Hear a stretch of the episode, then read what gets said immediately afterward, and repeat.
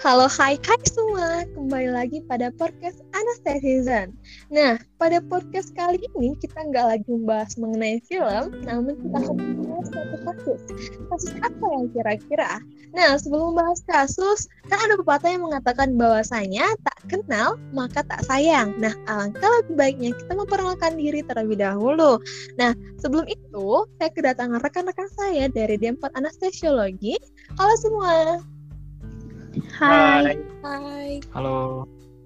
Halo teman-teman, gimana kabarnya? Baik? Alhamdulillah. Alhamdulillah. Alhamdulillah baik. Uh, di sana hujan nggak kira-kira? Di sini hujan loh teman-teman. Alhamdulillah di sini nggak Hujan hujan. di sini hujan. Oke, alhamdulillah. Tentu saja kita memperkenalkan diri kita satu-satu terlebih dahulu. Di sini ada Aldi, Windy, Ibat, terus ada Aldiva juga. Mungkin Aldi dulu nih, boleh nih memperkenalkan lebih, diri lebih lanjut nih.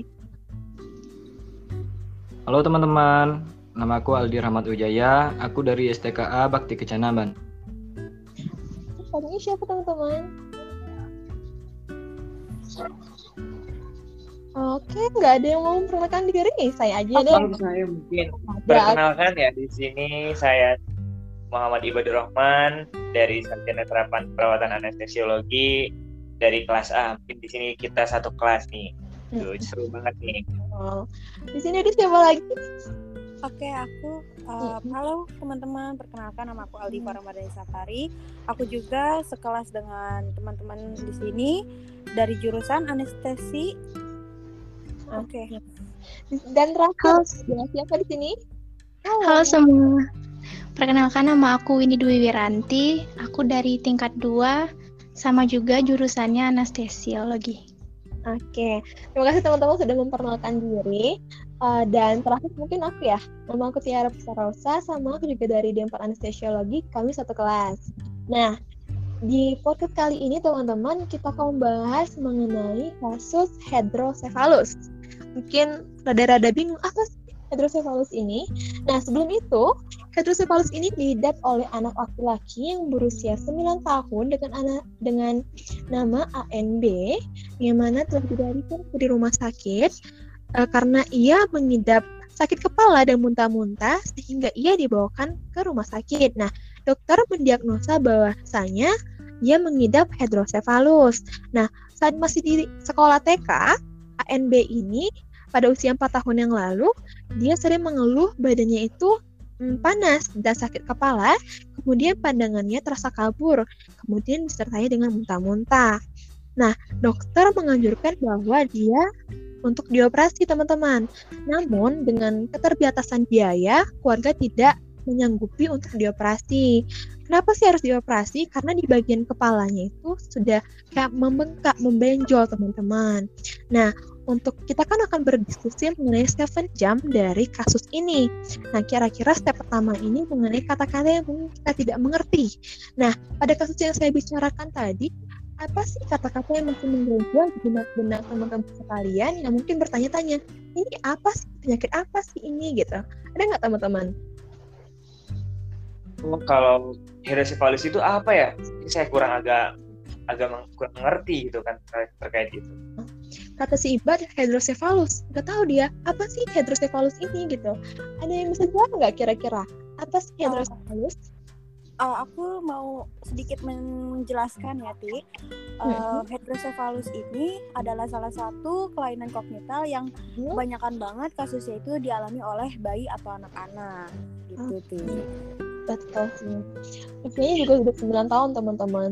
Nah, ada yang bisa menambahkan lagi nggak kira-kira? Mungkin uh, Ibad masih mungkin apa namanya sedikit bingung ya. Apa sih yang dijelaskan oleh Aldi ini? Ada yang bisa menambahkan nggak? Nah, aku ingin nambahin penjelasan dari Aldiva tadi. Jadi hidrosefalus itu adalah penumpukan cairan di rongga otak sehingga meningkatkan tekanan pada otak yang membuat ukuran kepala anak itu membesar. Oke, betul juga sih iya ya. Karena dia juga ada benjolan kan di kepalanya. Oke, dari kata-kata tadi, kira-kira masih ada yang nggak yang mengganjal di hati? Ada nggak kira-kira kata-kata yang masih bingung ini apa gitu? Hmm, nggak ada ya kayaknya teman-teman ya? Kayaknya nggak ada ti. Nggak ada ya. Oke. Kenapa ya?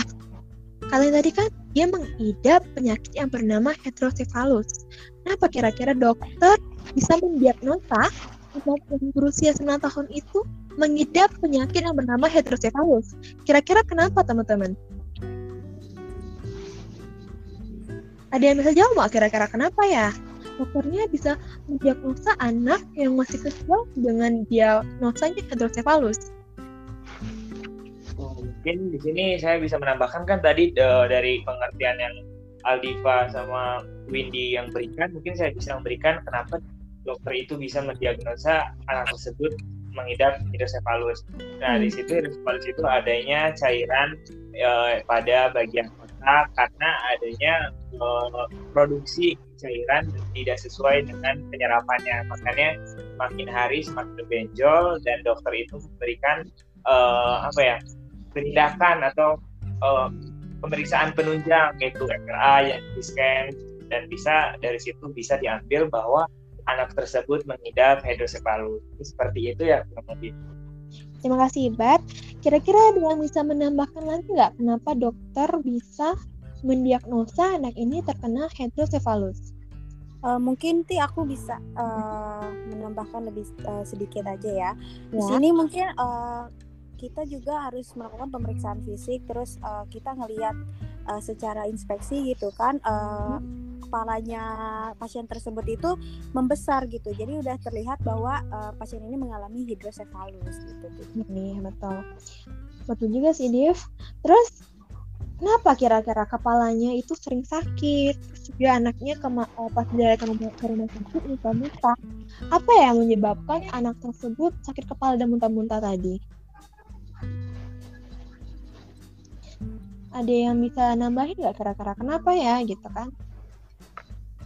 Ya, mungkin uh, karena sakit kepala dan mual muntah itu hmm. akibat dari rasa nyeri yang dihasilkan oleh uh, tekanan intrakranial yang dirasakan oleh uh, anak tersebut. Jadi di situ berakibat pada nyeri sampai mual muntah. Mungkin seperti itu. Boleh ditambahin lagi mungkin jika ada yang kurang. Kalau terkait penglihatannya yang kabur, terus sampai nggak bisa ngelihat itu kenapa ya? Atau mungkin efek samping dari gejala-gejala ditimbulkan dari hidrosefalus ya teman-teman? Betul sih. Iya, benar sekali. Benar-benar. Terus katanya tadi kan di kasus ini bahwasanya anak ini kepalanya itu membesar, semakin hari semakin membesar. Kenapa gitu kan? Apa apa yang salah dari anak tersebut yang bisa menyebabkan benjolan di kepalanya. Nah, jadi kan hidrosefalus ini disebabkan oleh ketidakseimbangan antara produksi dan penyerapan cairan di dalam otak. Nah, akibatnya cairan di otak ini terlalu banyak dan membuat tekanan dalam kepala kita itu meningkat. Nah, ini nih menyebabkan ukuran kepala anak itu membesar dan menimbulkan tekanan pada otak. Oke, terima kasih Windy uh, bisa menambahkan lagi nggak kenapa gitu kan benjolannya ada Mila ini sih kalau kita benjol ya udah benjol mungkin gara-gara uh, apa namanya kena dinding gitu kan kenapa ya kira-kira teman-teman bisa dikatakan hidrosefalus gitu atau mungkin yeah. mm -hmm. boleh bat dikatakan hidrosefalus itu oh. ya boleh ada Aldi Aldi tidak telah bersuara Iwan. Gimana Aldi? Boleh ya. Gimana jadi? Uh, jadi karena terdapat bagian dari itu disebabkan uh, karena ketidak ketidakseimbangan antara produksi dan penyerapan cairan dalam rongga yang ada di dalam otak. Uh. Otak terlalu banyak dan membuat tekanan dalam kepala semakin meningkat. Mm. Oke, mungkin sama aja ya. Kayak simpulnya emang mungkin ada cairan di kepalanya, terus semakin hari semakin meningkat cairannya, terus menyebabkan benjolan ya teman-teman. Oke, mungkin di sini kan katanya tadi kan dari gejala-gejala tersebut dokter kan benarlah menganjurkan anak tersebut untuk dioperasi. Namun keterbatasan ya menyebabkan uh, ibu atau keluarganya ini tidak menganjurkan atau tidak menyanggupi untuk operasi ya teman-teman. Sebenarnya harus lah kayaknya dalam kasus ini operasi ya. Benar. Benar-benar. betul betul betul. Nah dalam kasus ini kan nggak boleh operasi nggak dia bukan nggak boleh sih tapi nggak disanggupi operasinya. Kira-kira proses keperawatan yang kita lakukan pada proses anak eh, ANB ini apa ya kira-kira teman-teman? Proses perawatannya apa kira gitu kan Bet- eh, mungkin untuk proses keperawatan kan ada pengkajian, diagnosis, intervensi, implementasi, dan evaluasi. Aku Iya. mau ngejelasin untuk yang pengkajian. Nah, pengkajian ini yang dilakukan perawat ini bertujuan ini untuk mengumpulkan informasi atau data tentang pasien. Nah, untuk men- mengidentifikasi seperti nama, usia, nama Mhm. wali pasien, alamat, terus riwayat penyakit masa lalu pasien, riwayat kesehatan saat ini, dan pemeriksa hasil pemeriksaan fisik pasien Ti. Oke, betul juga ya, Div. Oke, terus ada yang namanya intervensi. Yang tadi Pak bilang tadi, kira-kira intervensi apa sih contoh dari pelaksanaan atau pengaplikasian dari intervensi ini, teman-teman? Oh iya, mungkin eh, saya bisa menambahkan gitu kan tadi dari Aldiva udah ada pengkajian. Dari pengkajian itu ada diagnosa terlebih dahulu, maka didiagnosa hidrosefalus gitu kan dan juga ada rasa nyeri gitu kan yang dialami oleh pasien tersebut dan intervensinya itu kaji eh, eh, rasa nyeri gitu kan berdasarkan eh, tingkatannya seperti itu dan berikan edukasi terkait eh, menghilangkan rasa nyeri berdasarkan nafas yang diatur seperti itu seperti itu boleh ditambahkan kalau misalkan kurang Ada yang mau menambahkan? Terus juga terkait evaluasi pada step terakhir yang dibilang oleh Aldiva tadi. Kira-kira pengaplikasian evaluasi pada kasus ini apa, teman-teman? Evaluasi, mungkin kayak apa ya? Evaluasi itu mungkin kesimpulan atau gimana, teman-teman? oh ya mungkin bisa kita lihat eh, seperti memantau keadaan kondisi pasien ketika setelah dilakukan implementasi gitu kan setelah kita melakukan tindakan maupun eh, kolaborasi ataupun mandiri seperti itu Oke, ya betul betul. Eh, mungkin sudah cukup jelas ya terkait hidrosefalus yang kita bahas ini tadi. Kalau misalnya hidrosefalus ini adanya benjolan di kepala karena cairan yang terus meningkat, terus juga cara yang bisa dilakukannya dengan evaluasi, dengan analisa data, terus juga dengan diagnosa keperawatan. Mungkin dianjurkannya operasi namun pihak keluarga tidak mengiyakan operasi karena keterbatasan biaya, maka dari itu pasiennya hanya bisa dilakukan proses perawatan yang seadanya gitu kan. Semoga ANB ini sehat ya teman-teman. Terima kasih atas waktunya telah bergabung pada podcast kita kali ini.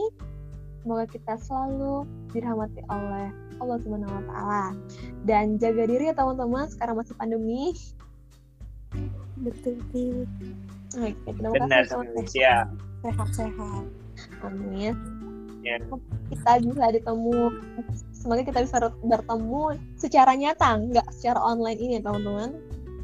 Iya. Amin. ya benar sekali Amin, amin, amin. Amin. Amin. Semoga aja lah ya. Oke, ada pesan-pesan terakhir nggak yang mau disampaikan pada podcast kita kali ini? Kayaknya Aldi dari tadi belum berbicara sama sekali. Boleh Aldi? Bisa menambahkan apa ya kira-kira yang mau kalian kamu sampaikan pada podcast kali ini? Iya, Ti? Apa, Ti? Pertanyaannya. Eh, kayak tadi kan kamu cuma menjawab beberapa gitu kan. Kira-kira ada Mhm. nggak sih yang disampaikan gitu mengenai kasus kita kali ini? Yang bisa disimpulkan di gitu kan?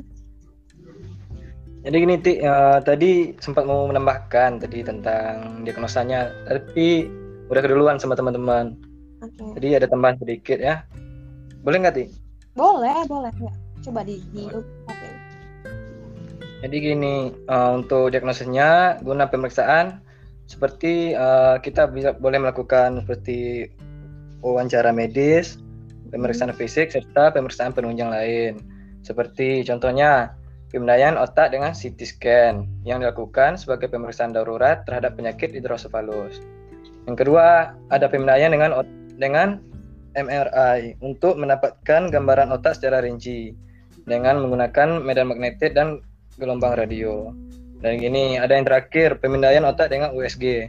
Yang relatif lebih aman dan rendah risiko, serta dapat dilakukan sebagai pemeriksaan awal untuk, untuk mendeteksi hidrosefalus. Oke, terima kasih lagi atas tambahannya kali ini. Itu saja podcast kita kali ini. Kita akhiri saja teman-teman. Sampai jumpa di podcast berikutnya. Dadah!